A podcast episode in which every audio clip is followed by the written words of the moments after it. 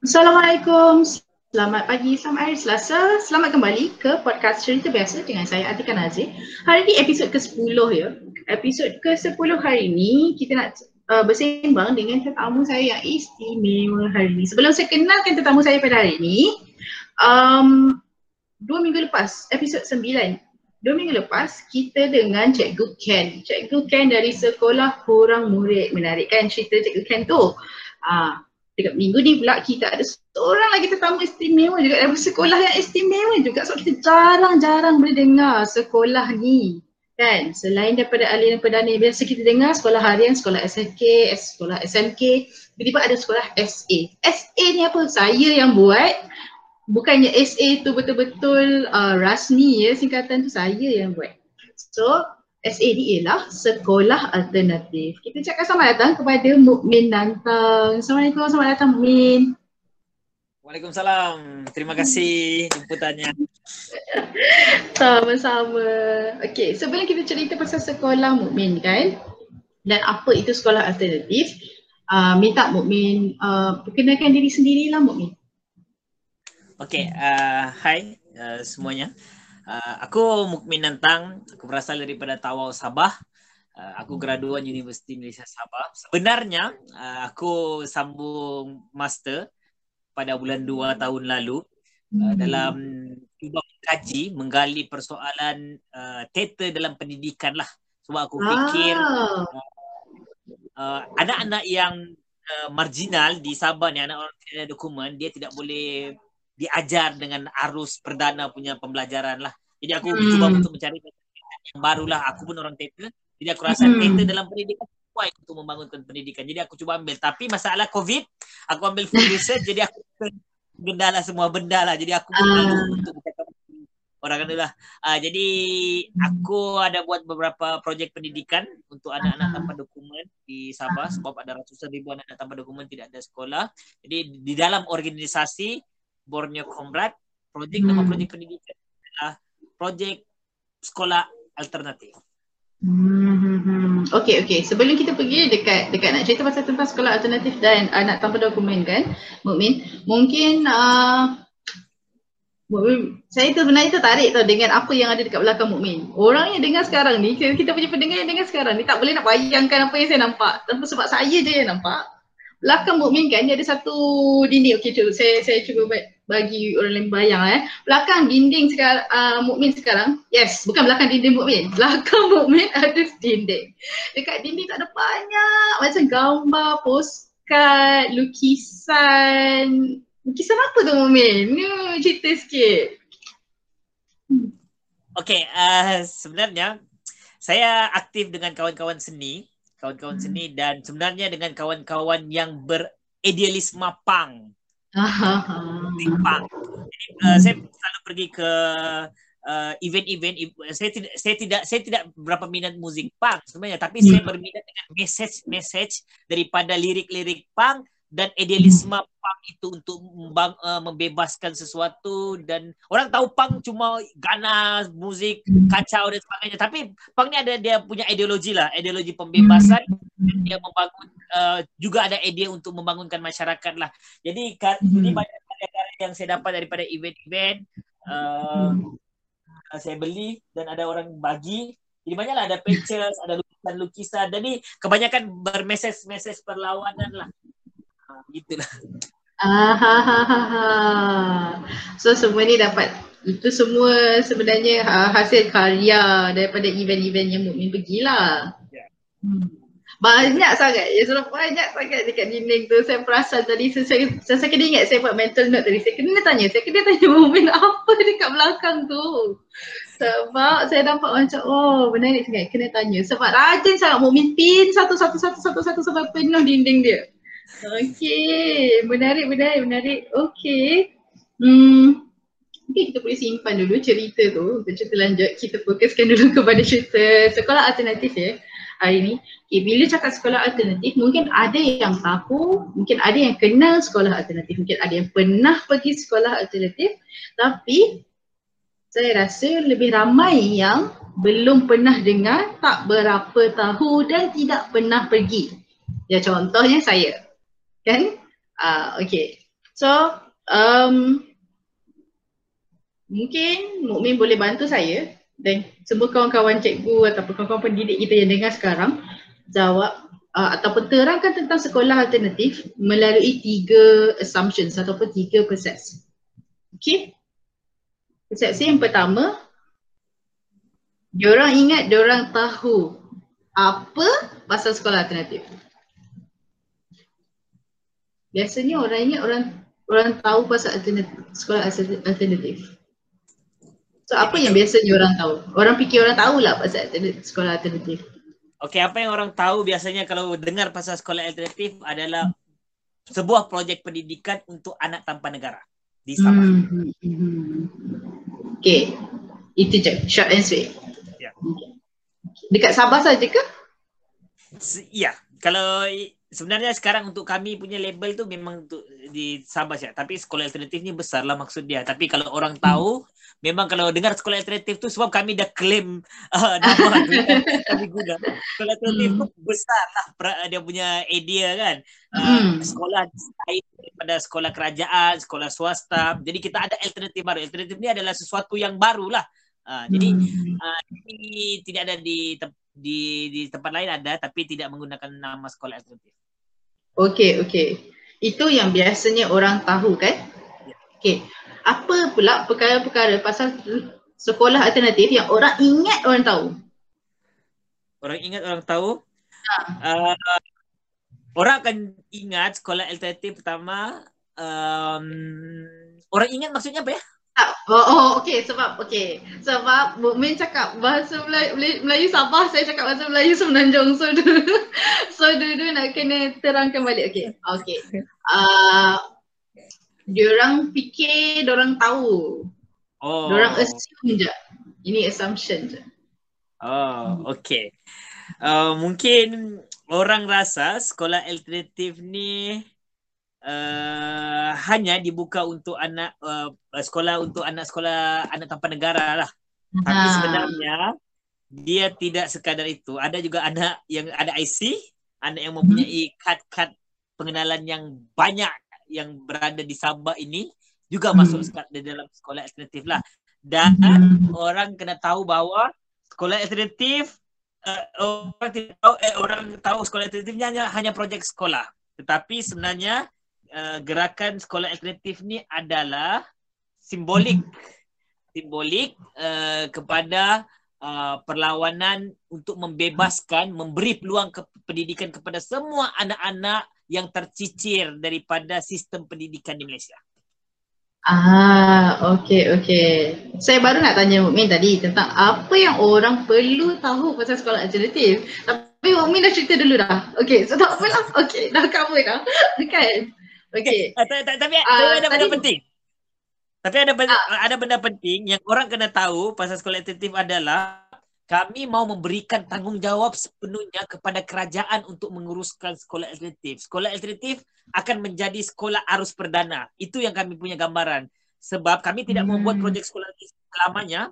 Kami mau kerajaan tahu bahawa ada orang yang terpinggir, ada bentuk pendidikan yang sesuai untuk mereka dan kerajaan boleh buat. Sebab kami tidak beria-ia untuk buka banyak sekolah untuk untuk beritahu hmm. semua orang bahawa uh, kami ada banyak sekolah tidak sebenarnya hmm. kami cuma mau menghantar mesej sahaja kepada semua orang bahawa anak-anak ini tercicir daripada pendidikan jadi kerajaan hmm. harus berjawab untuk menyelesaikan masalah ini bersama-sama masyarakat umum lah. Hmm. Kita cuma nak orang kata apa? Highlight je. Yang isu ini ada. Yang isu ini wujud. Jadi siapa yang perlu selesaikan masalah ini perlu uh, jalankan tanggungjawab lah. Macam tu kan? Betul. Hmm. okay okay uh, tadi kita dah cakap uh, tentang apa yang orang biasanya orang fikir orang tahu. Orang konon-konon tahu tentang sekolah alternatif dan apa yang biasanya orang tahu tentang sekolah alternatif dan apa yang orang perlu tahu tentang sekolah alternatif. Tadi Mukmin cakap sekolah yang uh, Mukmin buat tu bukan namanya bukanlah tu sekolah alternatif. Ada banyak lagi jenis sekolah alternatif yang lain, kan? Uh, dan sekolah Mukmin ni adalah salah satu je daripada jenis sekolah alternatif. Mungkin Mukmin nak terangkan lagi kan sekolah alternatif ni apa dari sudut umumnya pula. Okey. Uh, secara jujurnya alternatif yang kami maksudkan adalah uh, di, di di di di di Malaysia ada banyak sekolah. Sekolah kerajaan, hmm. sekolah jenis kebangsaan, sekolah agama, sekolah swasta, ada banyak sekolah. Bahkan ada sekolah di Sabah, ada sekolah dalam ladang untuk anak-anak pekerja oh. ladang daripada Indonesia. Uh, jadi ah. kami uh, membuat alternatif. Alternatif adalah jalan baru, jalan lain. Hmm bentuk baru, cara lain. Ah begitulah. Jadi ini cara lain yang kami buat alternatif ini adalah betul-betul memperjuangkan nasib anak-anak ini. Bukan sekadar sekolah-sekolah sekolah-sekolah yang tidak ada idea untuk uh, menyelesaikan masalah ini. Jadi menyelesaikan masalah aman dalam menyelesaikan masalah anak-anak tu, masalah dilema dalam diri dia yang mereka tidak ada dokumen, apa yang mereka boleh buat selepas itu dan menyelesaikan masalah keseluruhan generasi mereka akan datang, bagaimana kita mau uh, berikan uh, beri peluang untuk generasi mereka mendapat pendidikan lah. Jadi sekolah alternatif ni uh, kita buat dengan idea menghantar aktivis-aktivis kami masuk di dalam kampung tinggal di dalam kampung. Jadi cikgu-cikgu kami ni cikgu-cikgu uh, seperti biasa tetapi cikgu-cikgu yang duduk menjadi aktivis. Aktivis ini dia hmm. kerjanya adalah memahami komuniti, memahami kehidupan pelajar itu dan membangunkan sebuah idea bentuk pendidikan yang sesuai untuk mereka. Yang mana akhirnya nanti hmm. kerajaan ada usaha ke mau buat uh, benda ni mau bekerja sama dan sebagainya. Kita tahu bahawa pendidikan tidak harus disentralisasikan, dipusatkan. Setiap tempat hmm ada uh, agenda ataupun uh, fungsi masing-masing uh, ataupun Betul. keperluan uh, kepada komuniti itu sendiri. Jadi ini juga antara mungkin uh, secara kasarnya kritikan saya kepada uh, sentralisasi pendidikan hari ini yang tidak memihak kepada komuniti hmm. pedalaman di luar bandar dan sebagainya lah. Jadi hmm. itulah sekolah alternatif yang kami buat untuk anak-anak yang tercicir daripada pendidikan. Kita menerima siapa saja yang tercicir tidak dapat peluang kepada sekolah. Uh, selain dia ada tidak ada dokumen mungkin dia tidak ada dokumen ataupun dia miskin lah. Sebab kalau dia, tidak, kalau dia miskin dia tidak boleh pergi sekolah swasta. Swasta ni perlu berbayar. Uh, jadi mungkin swasta lebih ringan. Uh, dokumen mungkin dokumen tidak seberapa keras uh, seperti uh, sekolah kerajaan tapi mungkin dia masuk tapi mungkin dia sebab dia miskin tempat dia mungkin jauh untuk pergi ke sekolah hmm. jadi kami sekolah konsep sekolah efektif di dalam komuniti itu sendiri. Hmm, okay. Tadi Mukmin cakap kan uh, dekat sekolah alternatif dekat tempat Mukmin kan bukan hanya terdiri daripada anak-anak tanpa dokumen. Ya. Tapi uh, yang miskin juga yang mungkin tak mampu nak pergi sekolah ataupun sekolah dia terlalu jauh. Jadi bila sekolah terlalu jauh, maknanya kos pengangkutan tu akan termasuk sekali dalam perbelanjaan dia. Yang mana dia tak tidak ada orang kata apa uh, belanjawan untuk pengangkutan tu. Jadi sebab tu dia tak boleh pergi sekolah. Selain daripada anak tanpa dokumen, selain daripada um, penduduk-penduduk yang marginal dari segi kewangan ni, ada tak lagi uh, jenis ataupun kategori pelajar yang lain dalam sekolah ni? Uh, anak yang berasal dari perkampungan atas laut. Okay, uh. Jadi kita ah. sekarang ni kita, kita, kita cuma percaya bahawa semua orang tinggal di darat. Tinggal di flat, tinggal di hutan. Kalau orang asli kan di Semenanjung tinggal di hutan. Atau kebanyakan di di, di, di anu lah, eh, di, di darat lah. Tapi sebenarnya di Sabah ada perkampungan atas laut. Laut betul-betul bukan pinggir pantai ya. Ini laut tengah tengah laut. Ha, ha. Jadi ini sebagian anak-anak yang uh, memang tinggal di atas laut yang dia hidupnya hidup seperti orang laut dia hmm. berbeza lah seperti hidup kita di darat. Kalau kita pergi laut ada orang yang mabuk, terasa pening. Mereka juga begitu. Mereka hmm. tidak boleh naik kereta, kena ekon, orang rasa akan muntah dan sebagainya. Jadi ada perbezaan-perbezaan budaya itu. Jadi uh, itu juga antara anak-anak yang berada di dalam sekolah Ah, okay. Um, ada sekolah mukmin kan?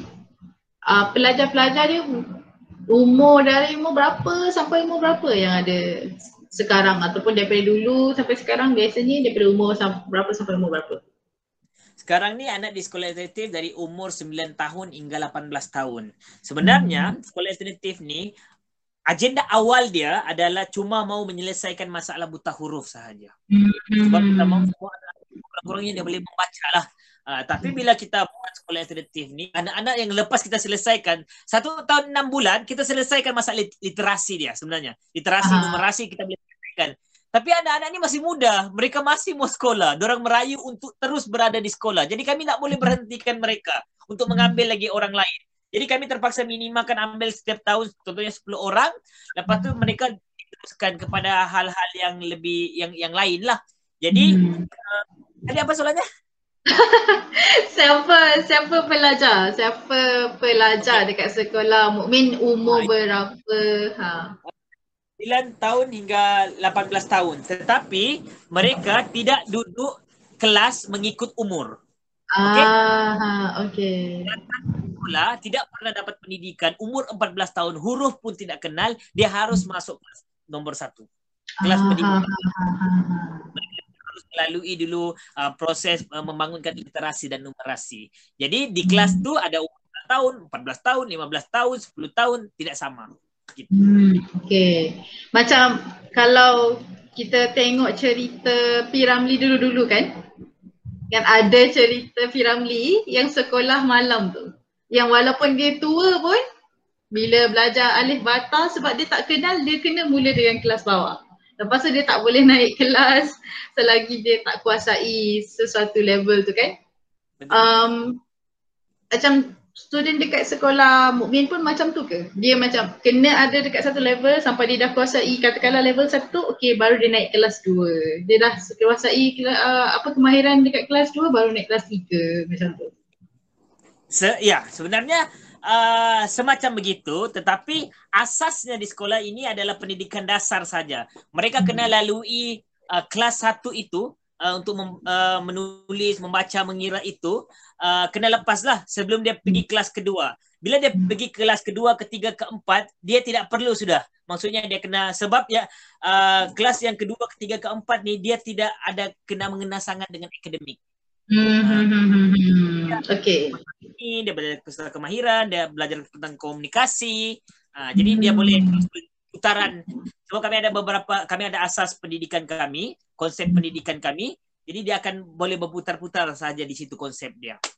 Hmm, okey okey. Sebelum sebelum saya nak tanya Mukmin tentang konsep pendidikan dekat sekolah alternatif di Borneo Comrade ni kan, uh, yang mungkin Mukmin boleh ceritakan dengan lebih lanjut. Sebelum tu saya saya nak tahu sedikit sedikit cerita dekat sekolah tu lah. Bila Mukmin cakap, even yang tua yang umur 14 tahun pun kena mula dengan yang kecil-kecil. Kalau dia huruf pun dia tak kenal, maknanya dia kena mula dengan yang mungkin ada yang lagi kecil lagi lagi muda daripada dia. Tapi dia kena mula dengan yang bawah juga. Um, apa apa reaksi student? Kan? Budak-budak. Bila dia dah macam oh dia dah orang kata tua lah tu tapi dia kena mula kelas dengan yang kecil-kecil ni Okay uh, sebenarnya kami memang hadkan sebenarnya uh, paling kurang pun 9 tahun kami ambil, ambil. Kami tidak akan ambil di bawah daripada itu sudah. Sebab kita kurangnya terlalu besar lah. Jadi biasanya 9, 10, 11 ke atas lah. Jadi uh, untuk pelajar ini uh, menariknya adalah sebab kami tidak panggil dia datang sekolah. Dia yang nak datang sekolah. Dia yang mendaftar.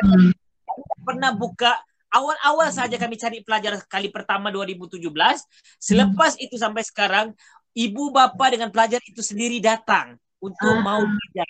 Bila dia sendiri yang mau datang, mau belajar, jadi dia uh, sudah menerima uh, keadaan itu sebenarnya. Dia kena belajar daripada awal uh, sampai akhir lah. Jadi buat masa sekarang tidak ada masalah sangat sebab mungkinlah mungkinlah saya fikir ini banyak soalan orang tanya kami lah. Mungkin gambaran sekolah yang dibayangkan tu di sekolah kan?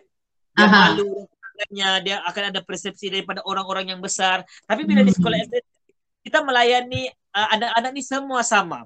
Dan hmm. falsafah sekolah alternatif adalah uh, pelajar adalah sahabat guru. Kita saling belajar dan saling mengajar. Jadi kami memang sama hmm. kelas ni uh, pecahan subjek saya. Selepas itu kita semua sama. Uh, kita akan hmm. Berkumpul bersama-sama, buat aktiviti sama-sama. Cuma untuk beberapa part saja. Dia satu kelas. Teknik pun kita tidaklah teknik uh, macam uh, so kami fikir begini. Kita tidak tidak uh, banyak orang rasa menyanyi-nyanyi itu hanya untuk budak-budak kan dan sebagainya kan. Uh, tapi kita bagi tahu di sekolah alternatif ini bukan budak-budak. Cikgu pun suka benda ni. Universiti pun buat benda ni. Uh, jadi macam budak-budak rasa macam nyanyi-nyanyi tepuk-tepuk tu bukan budak-budak punya. Kita semua buat benda ni. Uh, jadi itu yang menyebabkan uh, tidak ada rasa keterasingan, uh, alien dan sebagainya itulah. Kadang-kadang kadang-kadang orang dewasa ni dia dia rasa macam orang dewasa ada certain image yang orang dewasa ada. So yeah. dia tak nak macam oh menyanyi-nyanyi ke apa. Tapi sebenarnya kalau ikut kita ni kita semua ni kalau menyanyikan muzik suka je. Kan? Betul. Tapi bila ada bila ada yang kecil daripada kita, oh tak apalah tu semua budak-budak punya. Kita orang tua tak payahlah, tak payah macam tu kan. Padahal cuba kalau budak-budak tak ada, siapa yang pergi memekat dekat karaoke ke apa ke, kita je kak. kan? Okay. Uh, so, um, saya ada soalan kan. Um, kita kita sangat satu sangat bersyukur sebab ada usaha-usaha daripada pihak-pihak macam Mukmin dan sekolah alternatif yang cuba nak nak membela nasib anak-anak tanpa dokumen. Kan? Dulu historically dulu memang susah nak nak nak dapatkan anak-anak ni pendidikan sebab dokumen tu sangat penting untuk kemasukan ke sekolah. Kan? Um, tapi masa Dr. Mazli uh, hari tu kan ada yang okay, kita buka je kemasukan tu untuk sesiapa saja yang dia ada zero refusal policy tu kan. Uh, so adakah apa yang Dr. Mazli buat masa tu membantu uh, situasi dekat sana masa tu dan sekarang ataupun masa tu sekejap sekejap bantu sekarang Dr. Mazli tak ada dah jadi balik. Okey. Secara jujurnya sebenarnya saya minta maaf lah kepada ada yang menyokong mungkin Dr. Mazi. Uh, ada beberapa sisi yang dia okey mungkin sokonglah kan. Tapi uh-huh. secara realitinya kalau kita spesifik kepada isu itu uh, hmm. tidak ada apa-apa yang berubah sebenarnya. Apa hmm. yang Mas, uh, Dr. Mazdi umumkan itu sudah pun berlaku lama sebenarnya. Okay, ada tanpa hmm. dokumen, uh, anak yang mempunyai masalah uh, dokumen ini masuk sekolah memang ada. Dia perlukan budi bicara daripada guru dan guru besar. Memang ada sebenarnya. Dan ah. apabila apa yang digariskan oleh uh, daripada pengumuman uh, KPM Dr. Mazli Mazlik waktu itu adalah uh, setiap anak ha, ibu bap salah seorang ibu bapanya ada warga negara. Dan uh, jadi benda itu tidak mencerminkan masalah sebenar keciciran pendidikan uh, di Sabah lah sebab hmm. masalah dokumentasi ini bukanlah daripada ibu, uh, anak sahaja daripada hmm. nenek moyang. Okey. Hmm. Di peringkat aktivis ketika itu sebenarnya secara jujurnya agak ber, berkecil hatilah kerana kita tidak tahu sebenarnya KPM ketika itu mendapat analisis kajian daripada mana sehingga hmm. membuat kajian sebegitu eh, membuat uh, pengumuman begitu seolah-olah tidak ada bayangan implementasi bagaimana benda itu boleh berlangsung. Jadi hmm. uh, kami apa apa persepsi masyarakat ketika itu kepada kami adalah kenapa perlu ada sekolah alternatif? Hmm. Kan doktor uh, uh, benarkan semua anak-anak pergi sekolah alternatif. Inilah sebenarnya kadang-kadang uh, keputusan di atas tidak mengambil kira sebenarnya pandangan-pandangan kita di bawah. Seterusnya, hmm. apa komen saya juga adalah betulkah sekolah kita cukup? Betulkah guru-guru kita cukup? Betulkah fasiliti kita cukup? Sistem kita bersedia ke atau tidak? Ataupun dia hanya pengumuman ataupun propaganda politik. Jadi hmm. saya fikir selepas ini perlunya ada gerak kerja yang sistematik. Kita tidak perlu pengumuman yang terlalu cepat. Saya pun tidak mau anak-anak ni besok uh, terus dapat sekolah. Tidak. Hmm. Kita mau ada bayangan lima tahun apa boleh dibuat. Uh, tahun apa?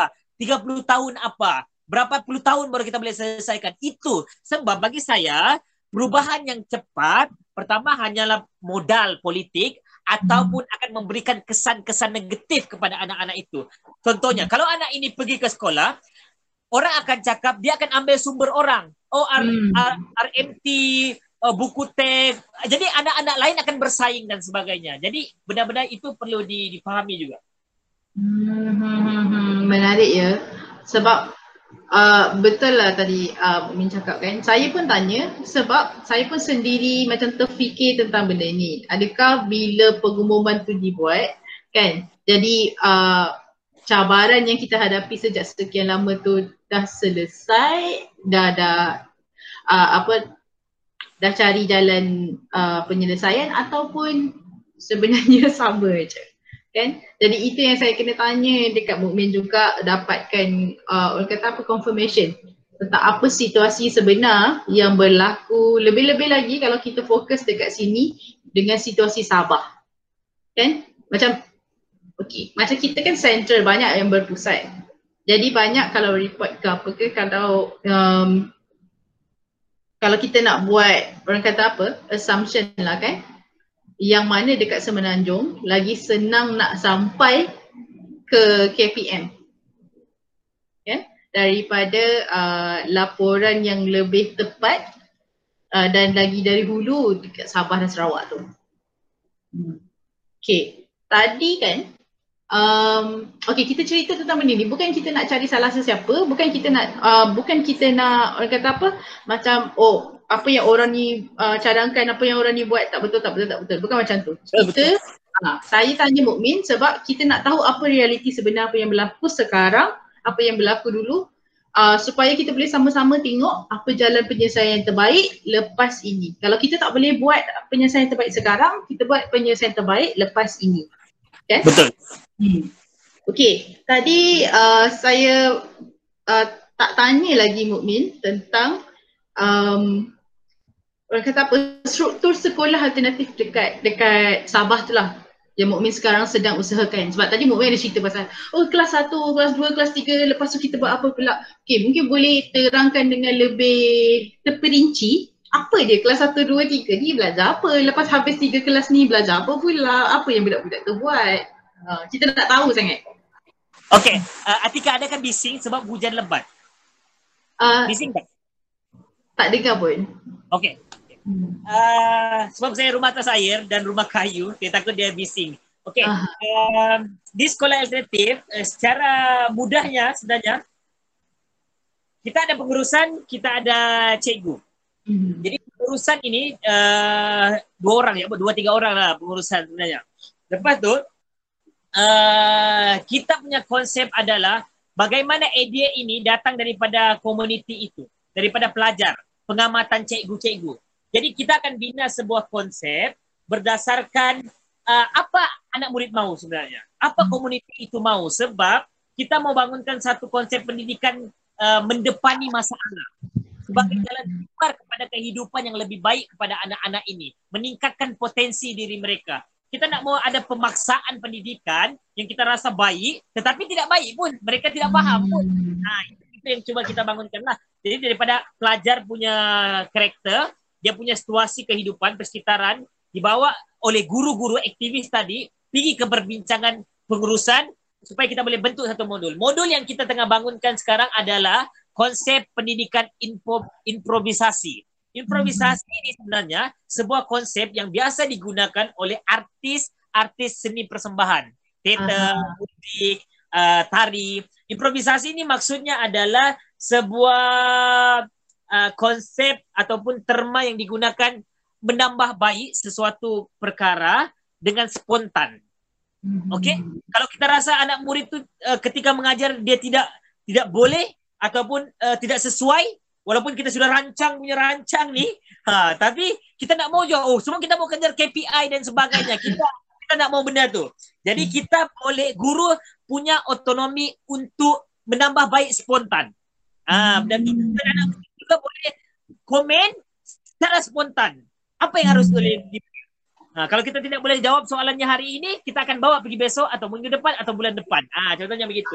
Jadi kita kita tidak takut uh, uh, murid-murid uh, mencelah ataupun uh, menyatakan pendirian dia. Apakah pendidikan yang terbaik buat dirinya sendiri. Jadi uh, paling penting adalah di kelas yang pertama kita oke okay, saya bagi gambaran struktur supaya sebab uh, sebab aku rasa banyak orang tak faham tentang konsep. Orang mau dengan pasal teknikal. Betul betul. Strukturkan benda ni. Uh, kita ada empat kelas. Kelas pertama dia harus selesaikan masalah pendidikan dasar. Pendidikan dasar ni menulis, membaca, mengira. Selepas itu dia akan pergi kepada proses pendidikan yang seterusnya adalah tentang pendidikan kesihatan, uh, moral dan kepercayaan, pendidikan permainan pembelajaran di rumah, pendidikan uh, uh, sastra, seni, penulisan, komunikasi. Kami ada sekolah bergerak, jalan-jalan tapi berpendidikan. Sekolah alam, pendidikan kemahiran dan ekonomi, pendidikan kemasyarakatan, pendidikan media sosial. Pendidikan media sosial hmm. kami ajar macam mana mau menggunakan media sosial. Jadikan satu pendidikan. Kami percaya bahawa pendidikan harus berlangsung daripada persekitaran dan pengalaman hidup mereka. Bagi kami semua benda pendidikan, tak payah masuk sekolah pun. Di luar pendidikan. Ha, betulnya semua pendidikan, pendidikan.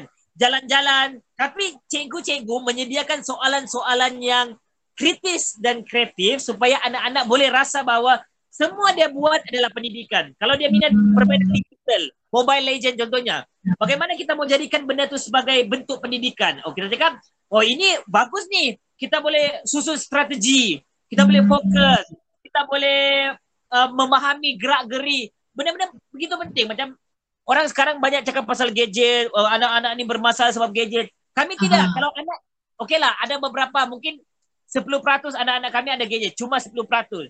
Jadi yang ada gadget ini kami ajarkan macam mana main TikTok, macam mana main Facebook, macam mana tengok Google, macam mana YouTube, macam mana mau hasilkan konten yang bagus.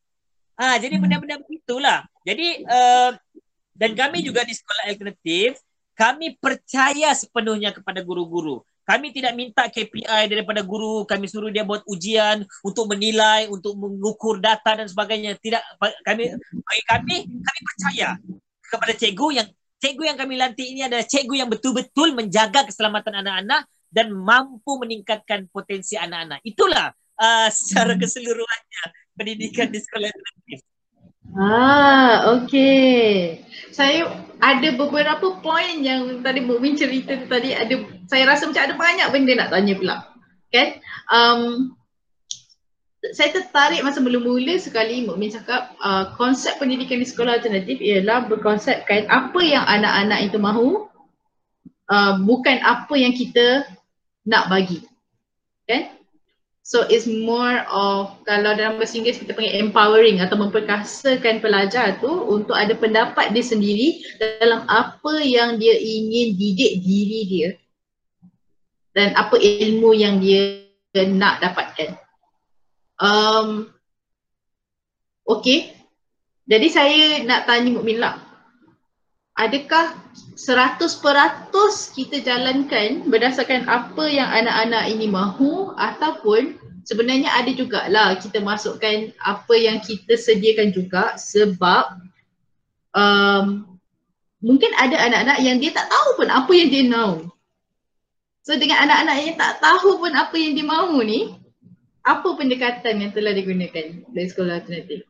Okay. Uh, ini juga biasa uh, agak sukar kita memahami mem- memberi pemahaman kepada masyarakat. Bila kita cakap oh pendidikan daripada anak-anak ni anak-anak ni mana tahu apa-apa? Kan? Hmm. uh, betul ke anak-anak tu mau benda tu? Sebenarnya hmm. itulah sebenarnya yang perlu dia diajarkan daripada guru-guru. Untuk melihat sebenarnya uh, tugas guru ni bukan sekadar memba- uh, bercakap dan anak murid dengar tapi adalah melihat potensi-potensi anak-anak. Contohnya kalau di dalam konsep uh, ini saya banyak belajar daripada Tete dalam pendidikan lah. Macam mana kecerdasan kanak-kanak? Kita mau ukur daripada visual ke kita mau ukur daripada matematika ataupun kita mau ukur daripada linguistik? Ataupun improvisasi uh, uh, apa namanya benda-benda keterampilan dan sebagainya. Itulah sebenarnya yang cikgu-cikgu kena buat aktivitinya. Dia masih lagi dalam kerangka pendidikan yang kita bayangkan tetapi dia lentur ha, kita membagi tahu anak murid memang pun kalau kita tanya dia oh apa pendidikan yang kamu mau? Memanglah tidak boleh. Sebenarnya pendidikan pendidikan bukan begitu. Ha pendidikan cara menyoal pun kena betul.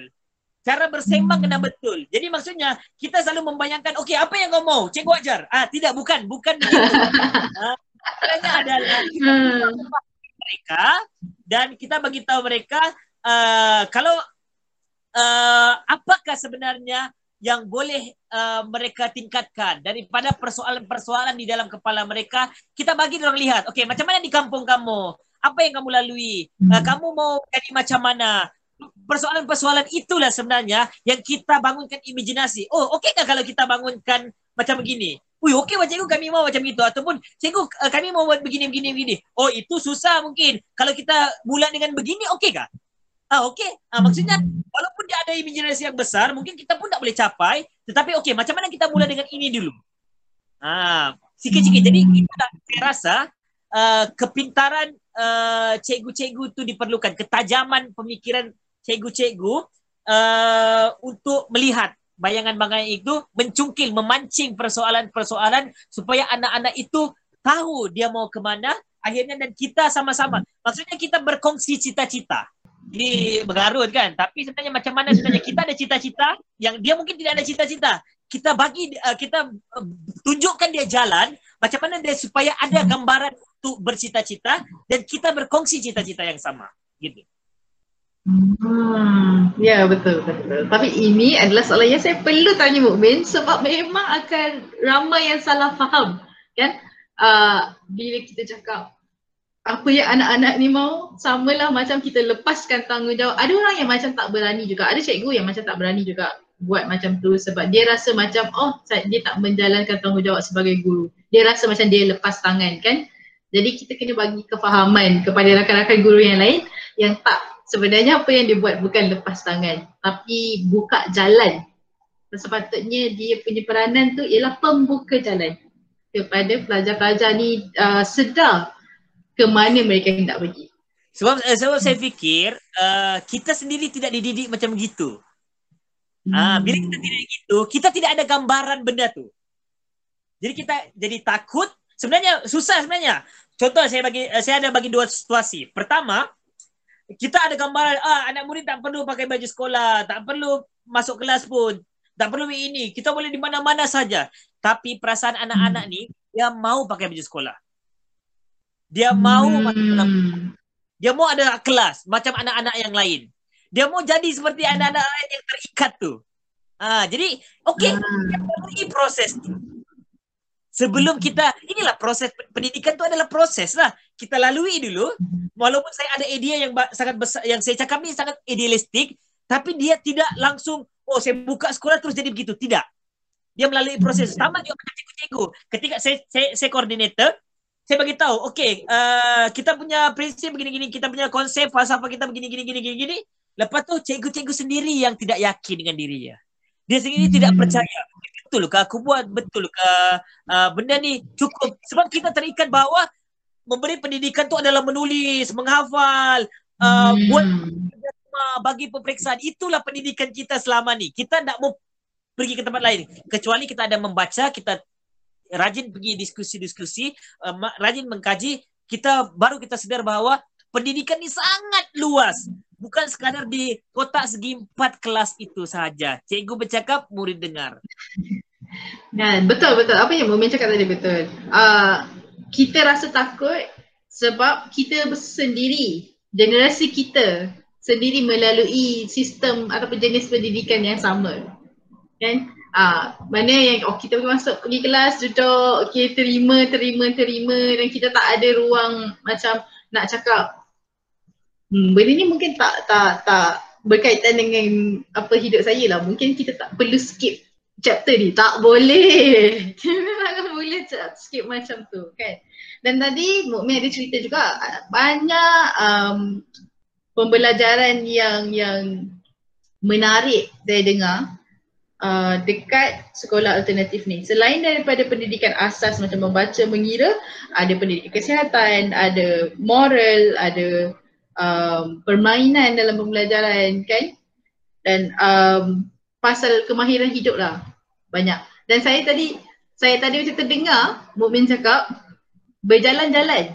Cikgu bawa pelajar berjalan-jalan tu pun sebenarnya satu jenis kelas atau pendidikan juga di sekolah alternatif um, biasanya kalau dah macam berjalan tu macam oh tak tahu nak buat apa lah hari ni aja tak tahu merancang tak tahu nak merancang apa okey jom jalan-jalan tapi sebenarnya dekat sekolah alternatif bukan macam tu. dia berjalan pun mesti ada tujuan dan apa benda yang dia nak korek daripada pelajarnya kan. Mungkin Mukmin boleh cerita kat kawan-kawan kita um, apa proses pembelajaran harian pelajar-pelajar dekat sekolah alternatif. Uh, maksudnya uh, apa? Maksudnya, okay. maksudnya daripada pagi tu hmm. dia datang sekolah sampai dia balik apa dia buat? Okay. Saya bagi uh, gambaran yang luas sikit. Uh, kejap. Saya cuba untuk uh, berstrukturkan benda ni. So saya saya, saya faham. uh, okay, anak-anak murid datang. Okay, dia akan berus gigi. Wajib berus gigi setiap pagi. Okay, kenapa begitu? Kita menyelesaikan sudah masalah. Mereka memang tidak ada pendidikan memberus gigi di di di rumah. Di rumah. Aha. Dan semua komuniti ada masalah gigi. Belasan tahun tak ada gigi, gigi hitam itu biasa. Jadi kita selesaikan dulu dari situ. Jadi setiap anak murid kita bekalkan berus gigi di rumah setiap enam bulan. Kita bekalkan juga mereka berus gigi setiap pagi. Walaupun mereka sudah sekarang cikgu kami berus gigi sudah. Kena berus gigi. Kena berus gigi. Tidak salah. Betul betul betul betul. Kita kalau setiap minggu ada prosesnya potong kuku. Ah macam itu. Macam saya dulu saya beginilah kita masalah kita cikgu-cikgu ataupun orang dewasa ni bila kita rasa sekolah tu kita tak suka didenda, kita tak suka dihukum tapi kita suka nak buat benda tu juga kepada anak murid. Kita sebab saya, saya, saya terfikir daripada dulu daripada cikgu pukul uh, sebab tak potong kuku kenapa cikgu tak bagi potong kuku harga seringgit? Ah. kami sekarang semua anak murid ada potong kuku. Setiap hmm. minggu dia, dia boleh potong kuku dia. Sampailah dia rasa sebab anak murid ni dia biasa dia tak tahu yang benda tu tak elok. Dia hmm. biasa jadi bila setiap minggu di sekolah dia ketip kuku akhirnya bila panjang dia tak selesa dia nak potong betul ha? kita, kita buat dia tak pernah uh, rasa okey dia pun tak, tak berus gigi tapi bila setiap hari dia berus gigi dia rasa bersih gigi dia senang untuk uh, uh, bercakap dengan orang makan dan sebagainya akan datang dia nak berus gigi sebab dia rasa benda tu dah biasa dengan dia Okay. Uh, uh, Jadi uh, proses di sekolah biasanya kami akan uh, masuk lepas berus gigi apa semuanya kami akan duduk ramai-ramai. Duduk hmm. ramai-ramai ni kami uh, akan bercerita sembang dulu sebab uh, cerita-cerita sembang lepas tu anak murid akan ada pilihan sama ada mereka mau pergi main uh, main maksudnya main board game dan sebagainya dia akan ataupun dia mau baca buku. Ataupun kita akan okey hari ini kita baca buku semuanya. Hari ini kita main board game. Kita tidak akan terus pergi kelas untuk mengajar. Sebab ah. saya percaya bahawa setiap anak yang datang dia uh, kena ada persediaan. Guru-guru pun kena persediaan. Dan boleh datang eh, buka-buka buku. Jadi murid jadi syok dia tidak bersedia. Ha, kita dulu di dalam kelas, santai dulu. Lepas tu kita akan buat kelas nyanyi, nyanyi hmm. ramai-ramai, apa semuanya. Barulah kita akan mula kelas. Biasanya benda itu saja akan lalui sejam. Hmm uh, benda tu. Jadi kita akan bersoal uh, makan apa tadi di rumah, apa yang jadi uh, siapa ada mau cakap sesuatu, orang akan cakaplah sesuatu apa yang orang mau cakap. Mungkin awal-awal orang akan tanya, "Oh, macam mana anak murid tidak uh, mau bercakap?" Itulah kebijaksanaan cikgu untuk memancing soalan. Okay, kan? Dia mau dia tidak mau cakap kuat-kuat kita pergi dekat-dekat dengan dia. Lama-lama bila benda ni rutin, dia akan cikgu uh, dia datang sekolah cikgu, aku ada benda mau cerita. Hmm. Dia sendiri yang nak kongsikan sesuatu. Hmm. Ha. Benda tu begitulah. Lepas tu baru kita akan masuk kelas. Siapa yang kelas kemahiran, kelas kebun kah, siapa yang mau kelas pendidikan dasar kah, barulah mula kelas. Dan akhir sekali pun kita akan balik uh, berkumpul semula, bercerita seperti kawan, seperti sahabat. Dan kita akan refresh balik apa yang kita belajar hari ini dan uh, barulah boleh pulang. Dan nyanyi ramai-ramai tepuk-tepuk tangan dan pulang. Walaupun orang besar, walaupun umur anak murid kami 17, tetap buat benda yang sama dan orang enjoy buat benda tu. Hmm. Saya baru uh, terbaca ada satu post dekat Facebook tentang ada juga bukan guru dekat sekolah yang perdana lah. Dia macam yang buat program-program juga. Dia kata um, dalam kelas sebenarnya dalam kelas ada macam 70% sebenarnya yang malu-malu yang jenis pemalu, yang introvert dan 30% je, ini cerita dia lah yang extrovert ataupun yang jenis suara lantang ni. Tapi bila buat keputusan bersama biasanya yang suara lantang ni yang akan buat keputusan akhirnya sebab dia orang yang macam bercakap. Jadi apa dia kata apa yang dia buat ialah um, kalau kamu rasa nak cakap apa-apa dia cakap dekat pelajar kalau kamu rasa nak cakap apa-apa tapi kalau kamu malu ke kamu tak berani nak cakap kamu boleh tulis dekat cikgu. Dalam kelamaan dia punya pelajar uh, makin banyak yang terbuka hati dan menulis dekat dia dan lama-lama boleh bercakap pula dekat dia. Kan? Jadi betul lah apa yang Mukmin cakap, cikgu tu yang nak kena cari jalan. Kan? Sebab cikgu adalah facilitator, cikgu adalah pemudah cara, cikgu yang kena cari jalan yang tak nak bercakap tu sampai boleh jadi nak bercakap dan tak berhenti bercakap pula lepas tu. Hmm. Okay, um, mungkin boleh ceritakan um, macam mana kelas kemahiran kan saya pernah nampak ada satu post Borneo Comrade tentang um, so ada satu murid ni pembelajaran dia hari tu ialah uh, shopping barang, belikan barang. Mungkin Mukmin nak cerita dekat kawan-kawan guru kita yang lain yang tak pernah dengar cerita tu, yang tak pernah nampak post tu, apa yang pelajar tu kena buat, kenapa dia kena buat macam tu, apa tujuannya kita ajar dia macam tu. Okay. Uh, berbalik kepada apa yang saya katakan tadi sebenarnya. Semua benda adalah pembelajaran sebenarnya. Ada ada orang tak pandai pun belanja di pasar. Betul. Itu dulu waktu PKP awal-awal. Suami tak tahu nak sayur dengan ikan dengan mana sebab suami tak ada pendidikan di pasar. Kan? betul. Kan? Ya. pendidikan di pasar. Contohnya itu walaupun saya tidaklah mengkelaskan benda tu. Jadi uh, lelaki kena belajar lah Ah, uh, jadi apa yang kami buat adalah dan ada banyaklah uh, proses membeli uh, membeli belah ni. Ada orang ada anak-anak murid yang ikut pergi beli barang untuk dia buat bakery. Sekarang ni kita uh, kita rasa pendidikan tu kena disediakan semua. Okey, inilah kita libatkan anak murid se- uh, untuk membentuk modul pendidikan. Adalah bukan sekadar dia oh terima tepung apa semuanya okey tepung masukkan ini itu betul lah pendidikan lah tapi kita ha. nak tahu bagi tahu dia macam mana nak pergi beli tepung tu. Berapa harga tepung tu? Di situ sudah ada komunikasi, di situ sudah ada strategi, di situ sudah ada matematik, di situ ada banyak benda pelajaran yang boleh diajar sebenarnya. Bagaimana uh, teknik untuk menjimat, membandingkan uh, uh, harga-harga. Okey, bagian ini kita kena beli di kedai ini. Bagian ini kita beli di ini. Ah, macam mana kalau kita beli banyak mungkin akan dapat lebih murah? Apa beza harga di kaki lima dengan di di pasar raya? Benda semua ada hmm. semua boleh dijadikan pendidikan sebenarnya. Sebab hmm. benda ni lah nilai paling penting untuk mereka hidup hmm. di masa akan datang. Jadi kita libatkan mereka daripada proses awal-awal uh, itu. Kalau ada kilang tepung kami pergi akan pergi lawat kilang tepung untuk dia tengok sendiri. Macam mana? Sebab contoh macam ubi kan. Uh, makanan ruji mereka di sini uh, ubi. Kita bawa anak murid pergi ke tempat okay, jom jalan-jalan ke jalan kita jalan-jalan pergi tempat orang tanam ubi macam mana tanam ubi kita ajar macam mana ah. ubi semua kami kami kami bagi tengok orang terus tanya je soalan apa yang Romo tanya di situ dan kita akan bincangkan di dalam kelas uh, esok atau minggu depan ah, ah, ah, ah, ah. jadi saya teringat lah macam uh, bila kita tak pernah uh, tengok proses tu atau kita tak pernah nak nak teroka ataupun explore dari mana sesuatu tu datang kan? Kita tak pernah ada curiosity tu.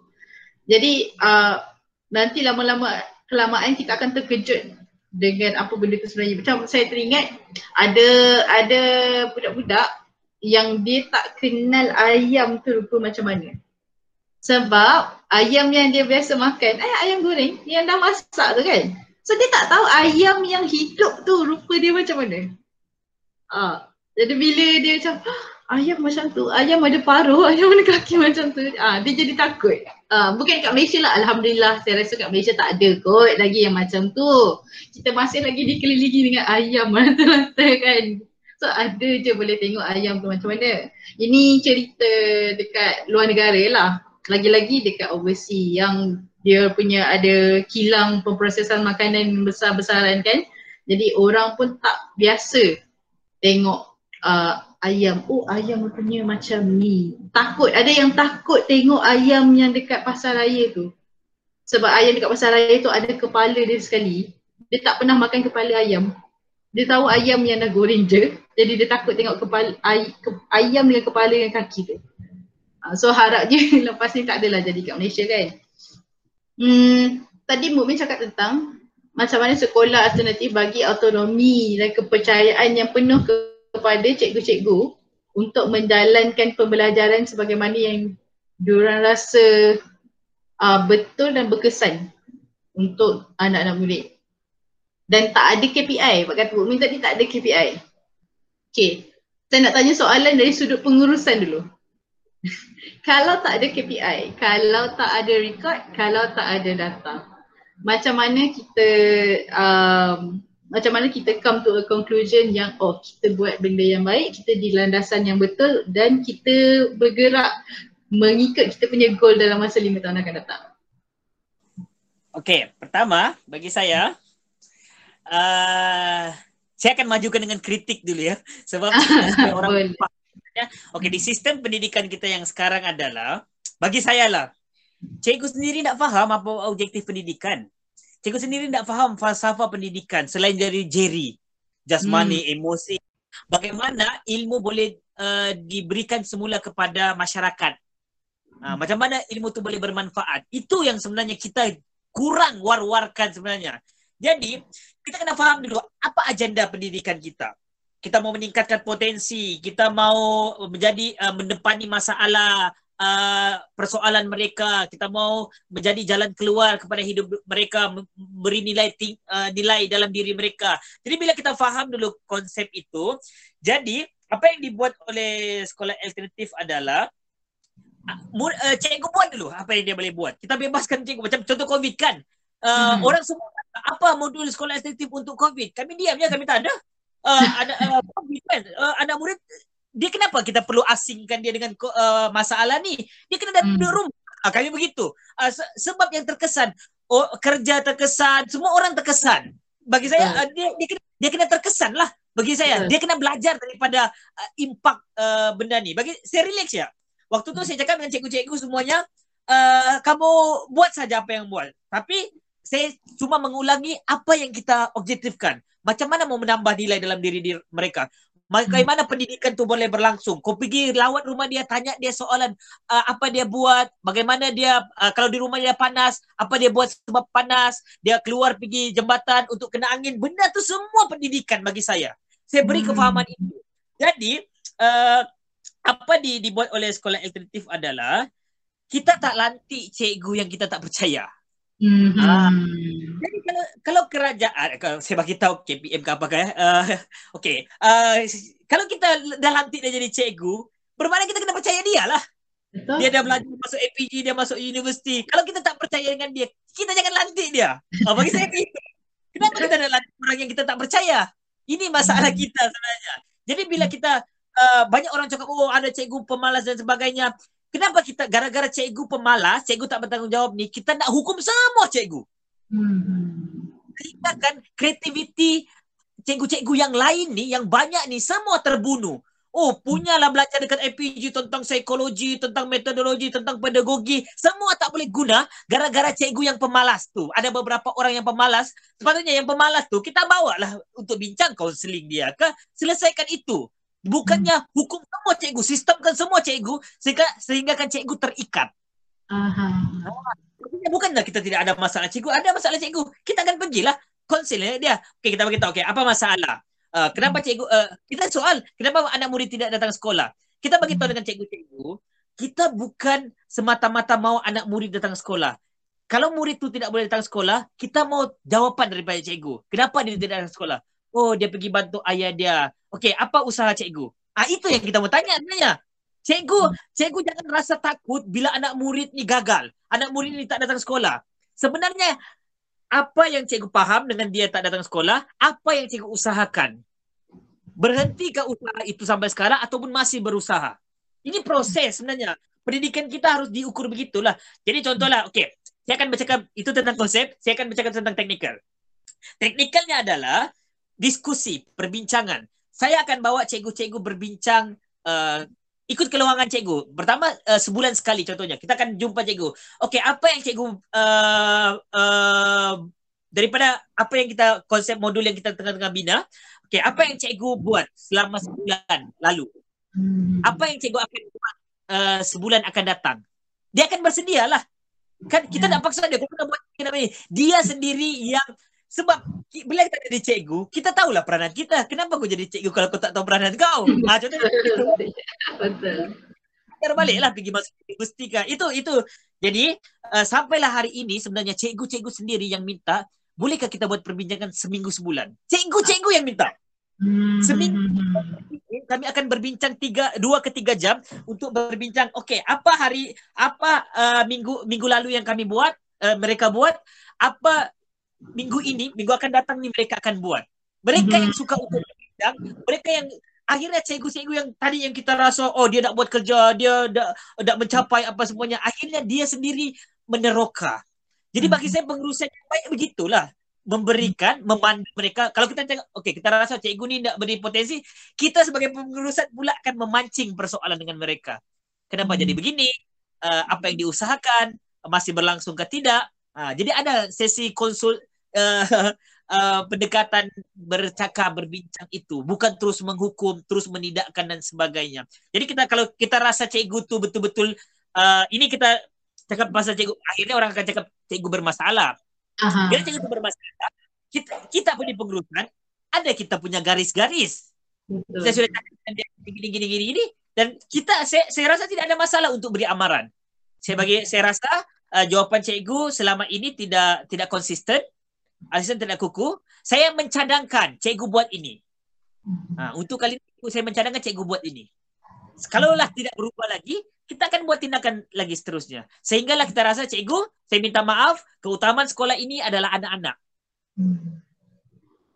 Ha, kalau cikgu masih lagi tidak mau berubah, saya saya mohon cikgu bersedia untuk uh, undur diri sebab kita mau uh, anak-anak ini dapat apa yang mereka perlu dapat.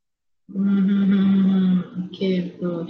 Saya tertarik dengan apa yang Mumin cakap tadi. Ada satu pendekatan yang Mumin bawa ialah uh, ada sesi perbicaraan, macam se, bukan perbicaraan lah, macam berbicara ataupun berdiskusi uh, sebulan sekali tu. Bila dia kita bercerita tentang apa yang dia dah buat selama sebulan tu dan apa pula plan dia untuk uh, bulan akan datang.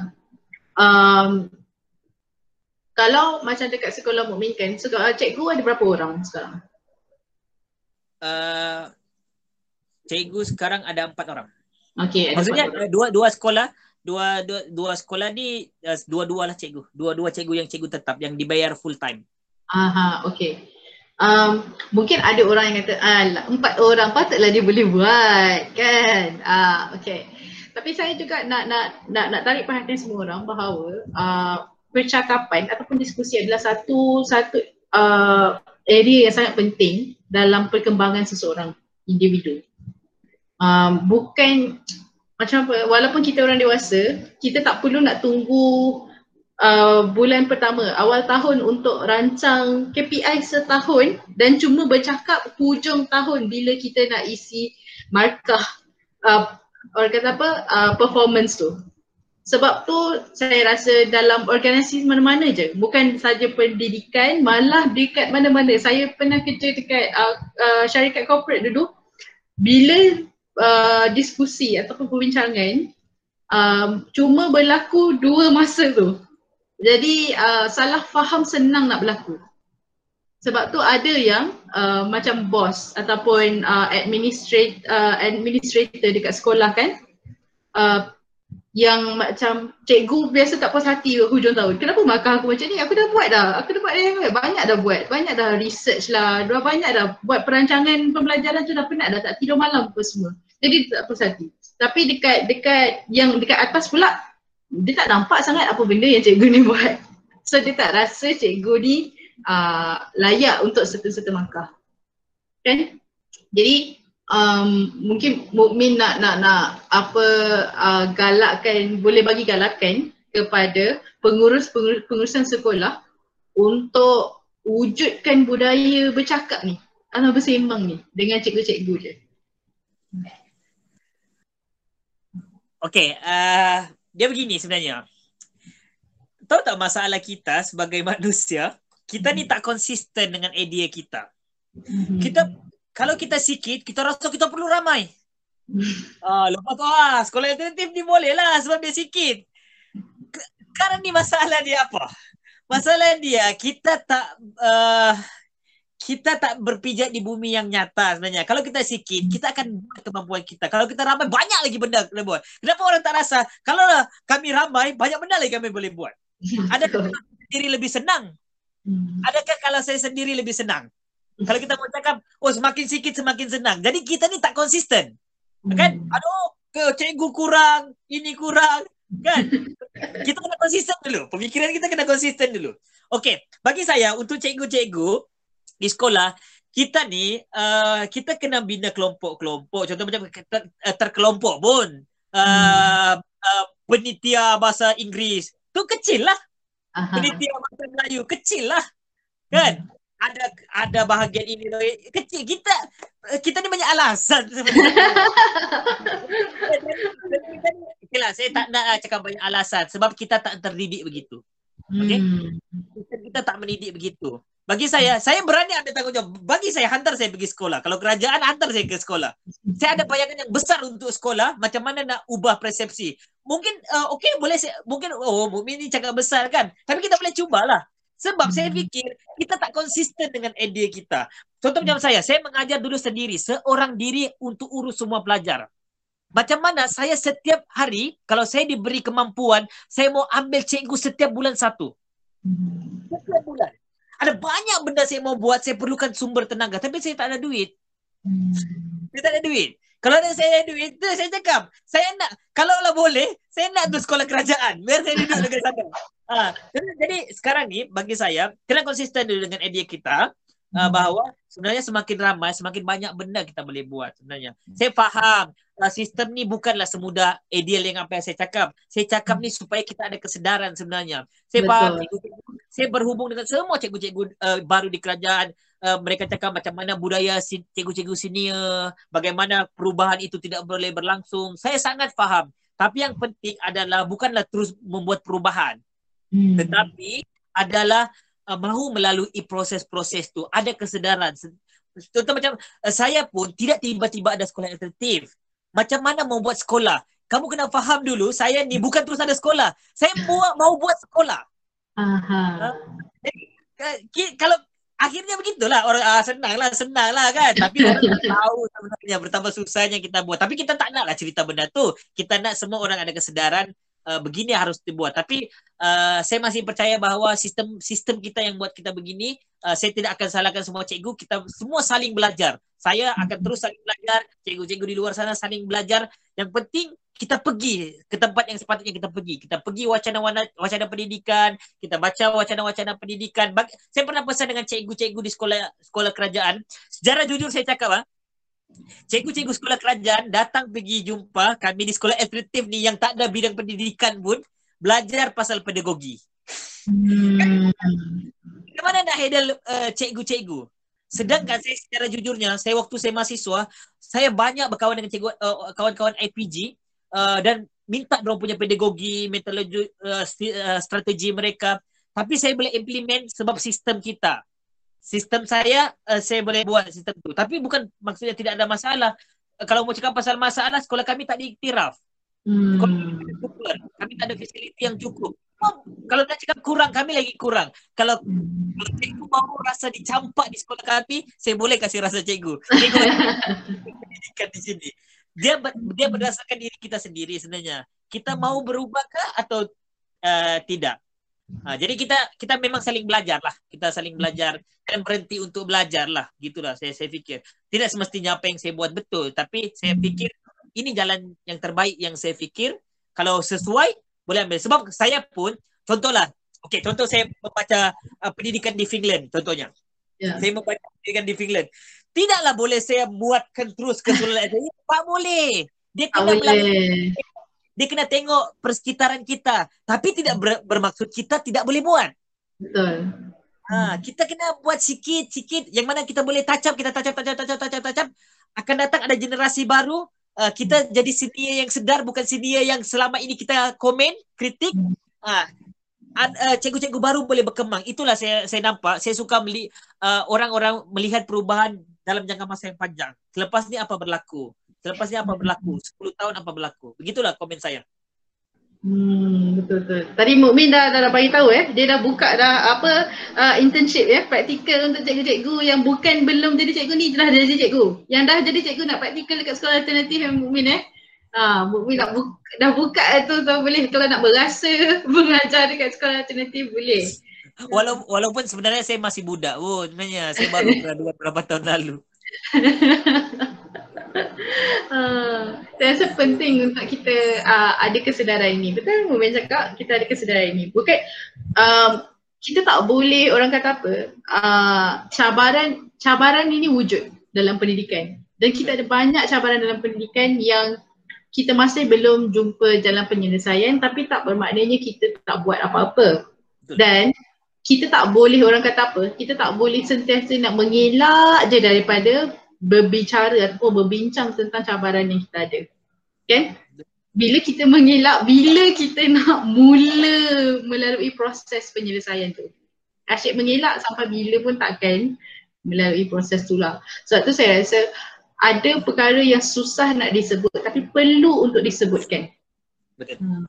Jadi jadi saya rasa uh, sebab tu saya ada ruang podcast ni untuk kita sebutkan perkara-perkara yang susah nak disebutkan dekat luar tu.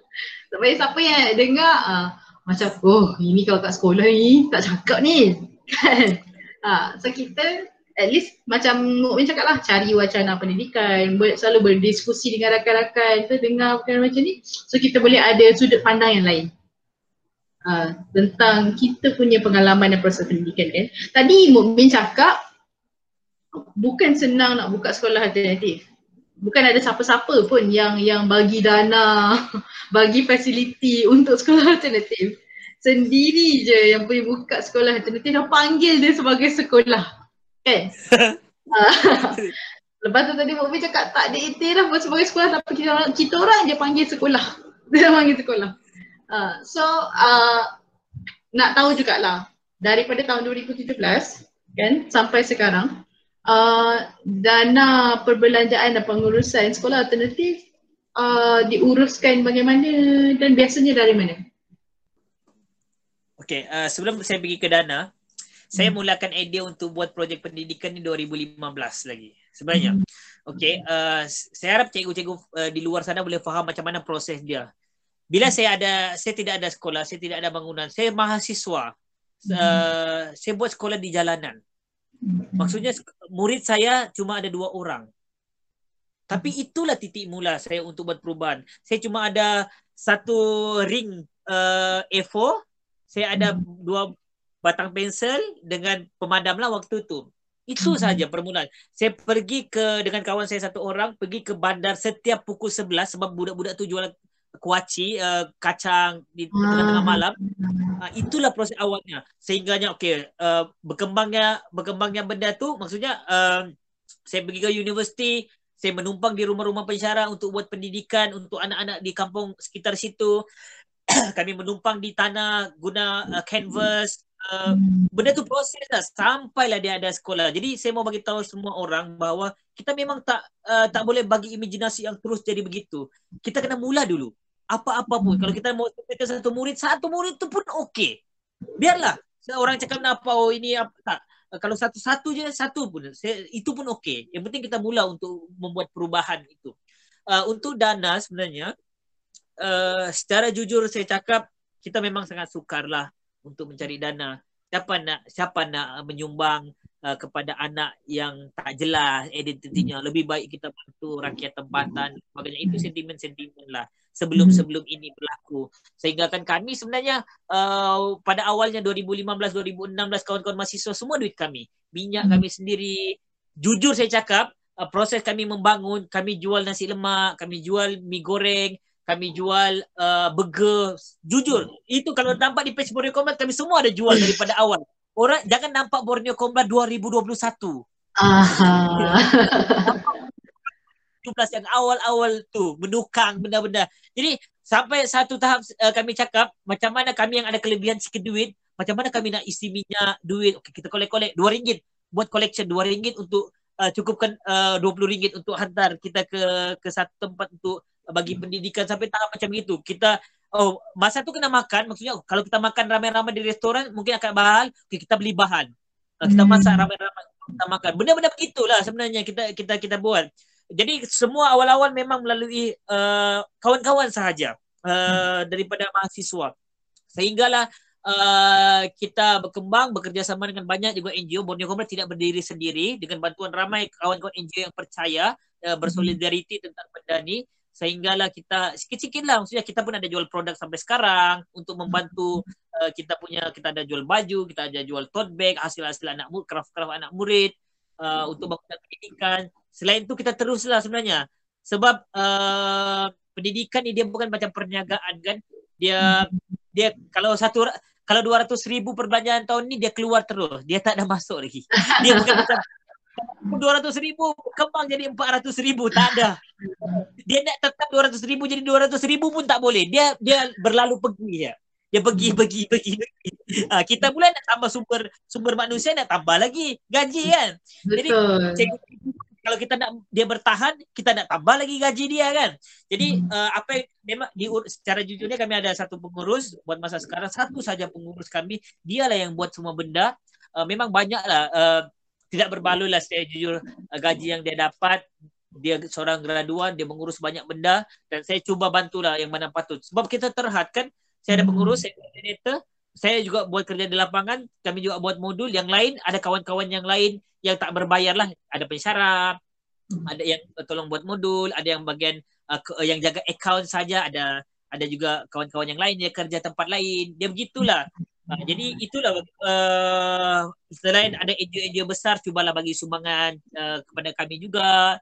Uh, lepas tu kami cubalah uh, uh, mengisi grant-grant yang ada tapi memang sangat minimal lah buat masa sekarang. Tapi tidak bermakna kita berhenti lah. Kita akan terus cari supaya akhirnya kita ada dapat dana yang konsisten.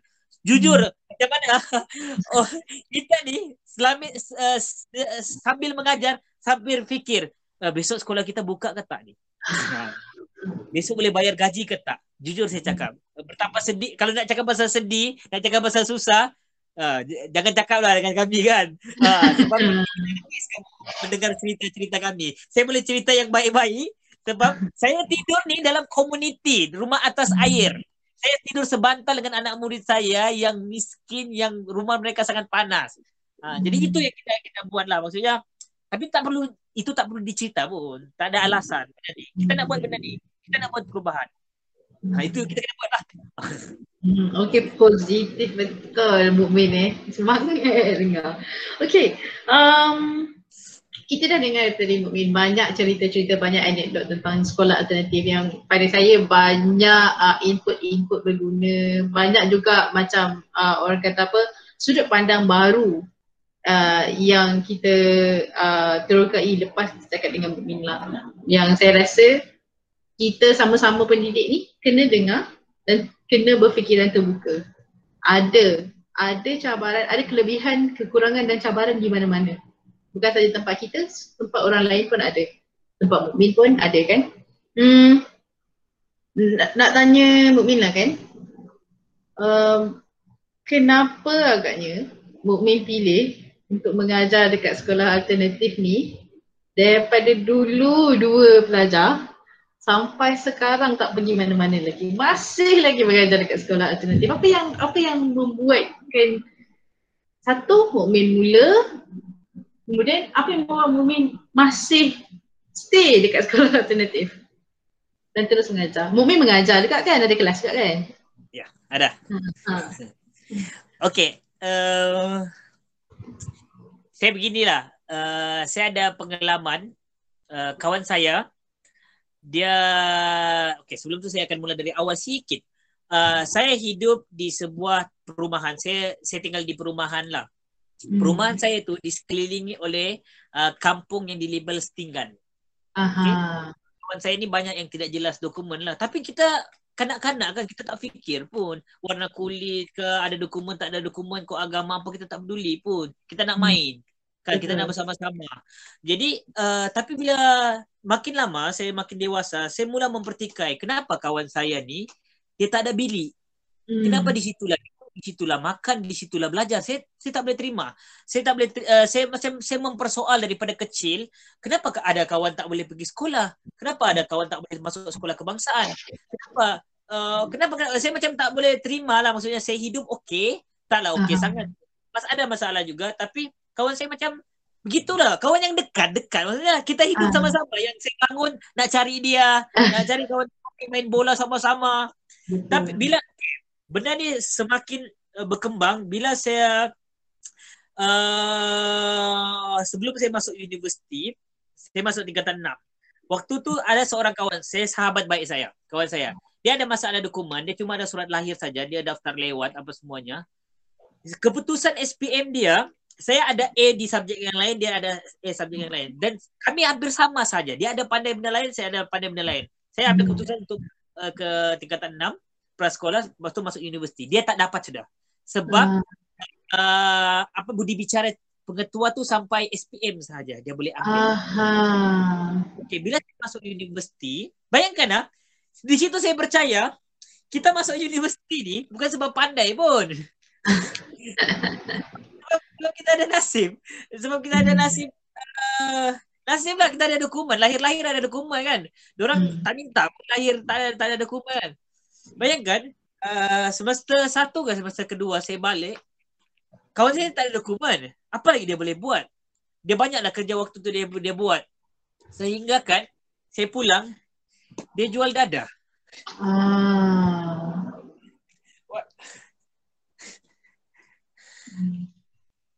Uh, kita cakap pasal peluang lah kan dekat sini kan.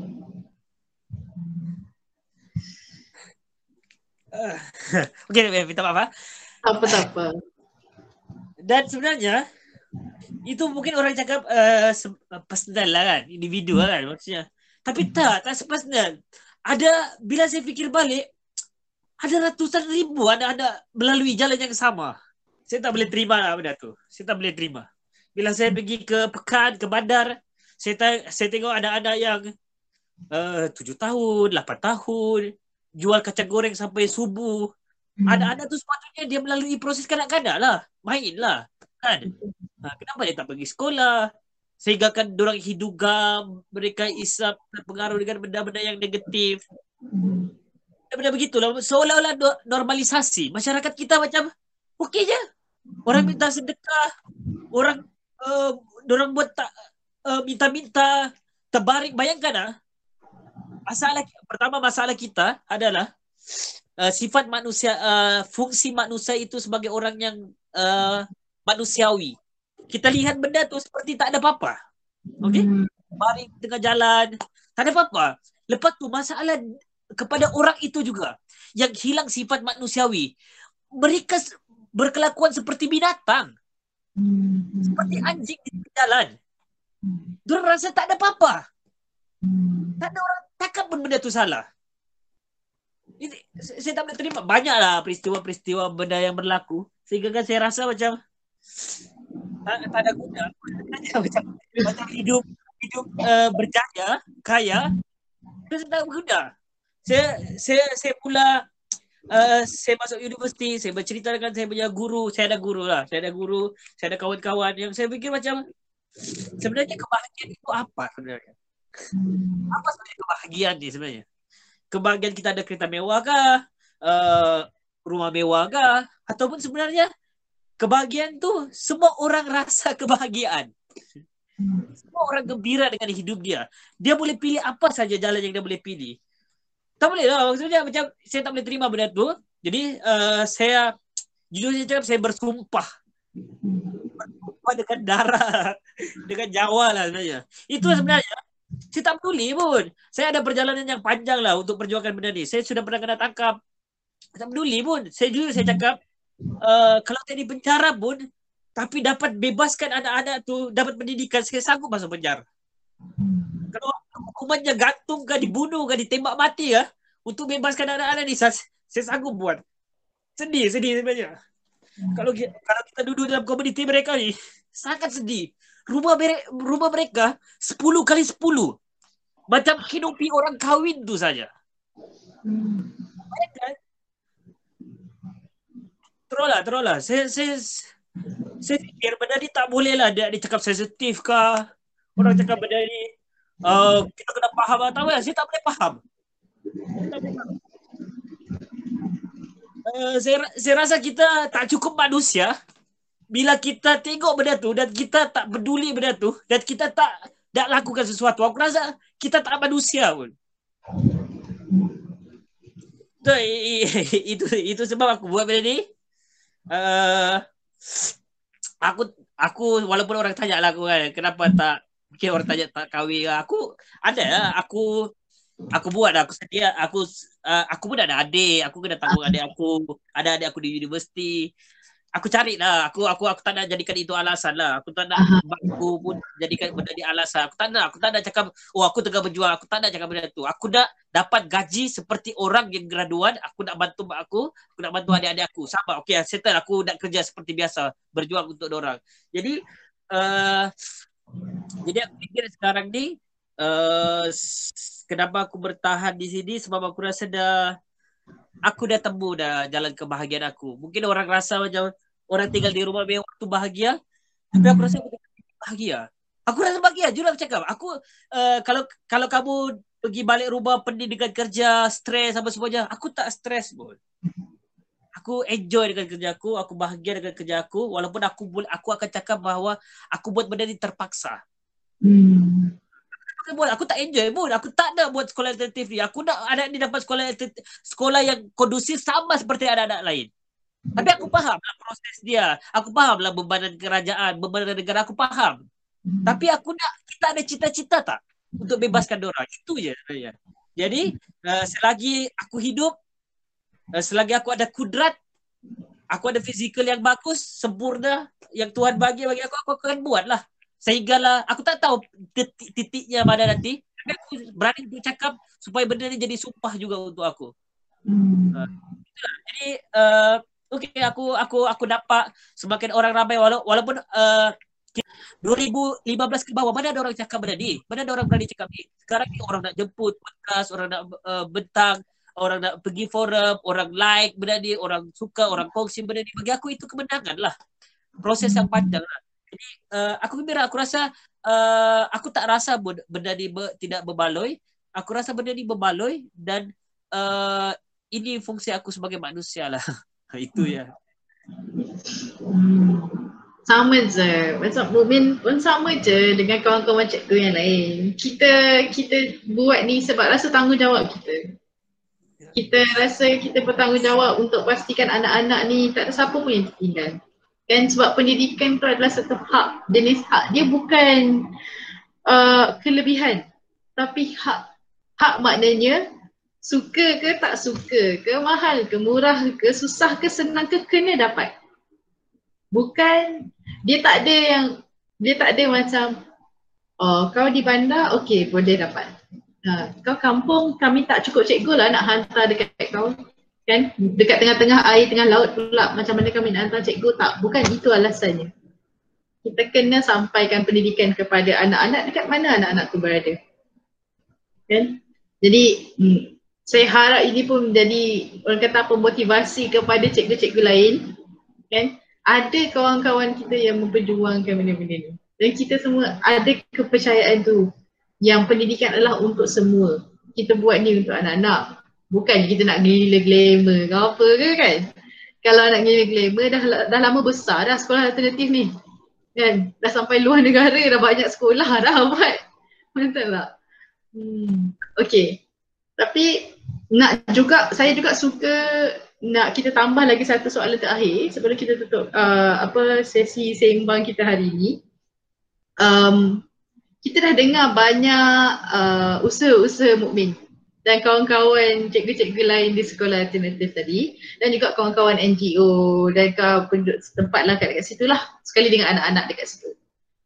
Uh, mungkin Mukmin boleh uh, kongsikan apa orang lain dalam komuniti yang berdekatan ataupun dekat jauh sikit macam kami ni kat Semenanjung boleh buat selain daripada ambil tahu, selain daripada cakna, selain daripada ambil tahu tentang keadaan anak-anak tercicir, anak tanpa dokumen ni apa semua, apa lagi yang kami boleh buat untuk bantu mungkin ke arah menyelesaikan uh, cabaran ni?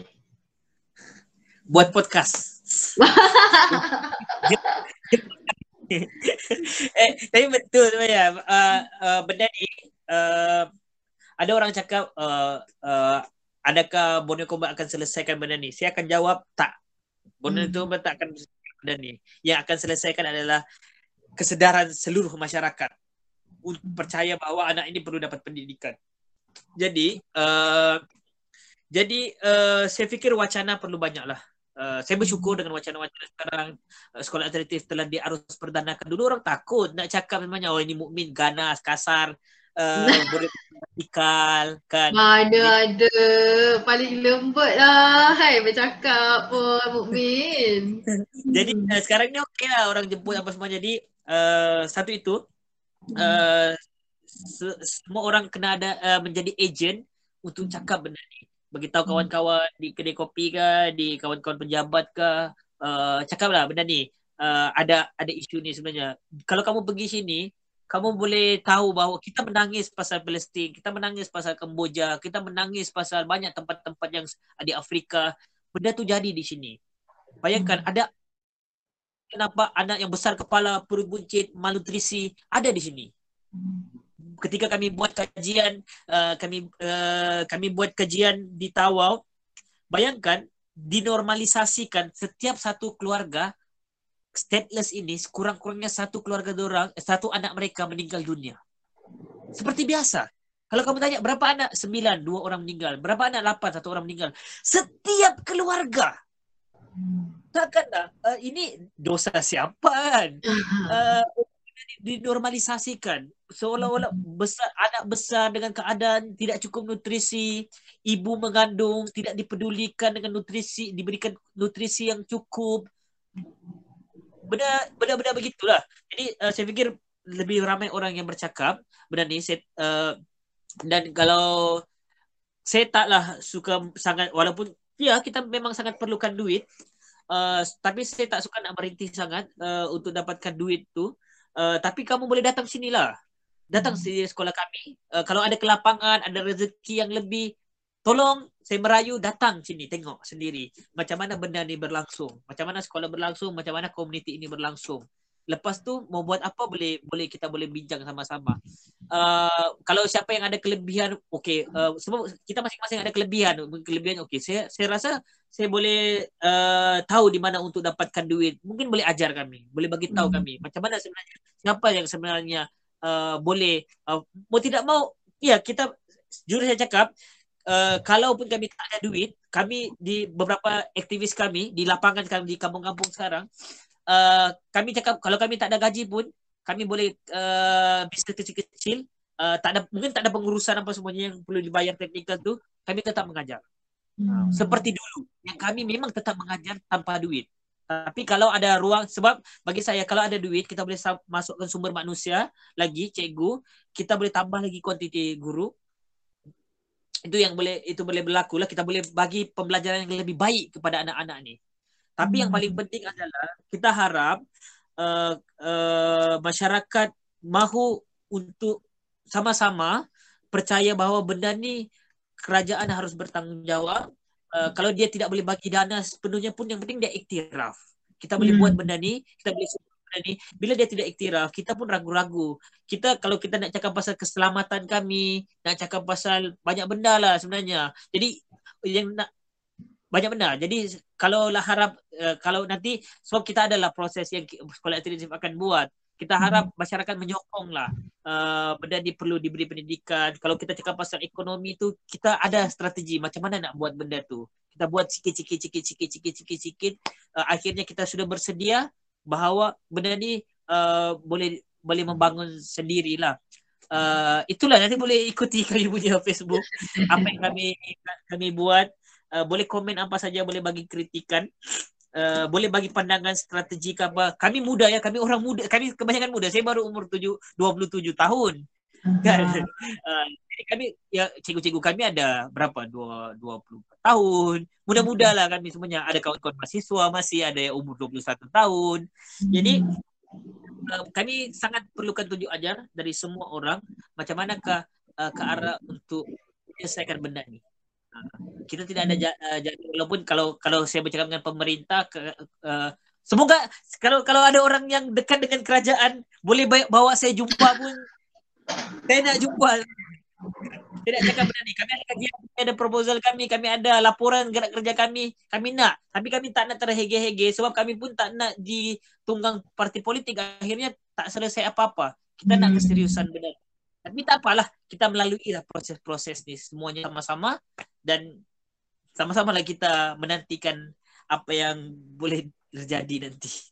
InsyaAllah. Um, semoga, semoga uh, apa, uh, kita dapat sesuatu yang baik lah uh, untuk uh, sekolah alternatif, untuk warga sekolah alternatif dari dari, dari warga guru-gurunya dan juga untuk anak-anaknya. Sebab kita sebab kita selalu cakap kan, kita nak nak kebaikan tu bukan untuk kita sangat. Kita nak sediakan untuk anak-anak.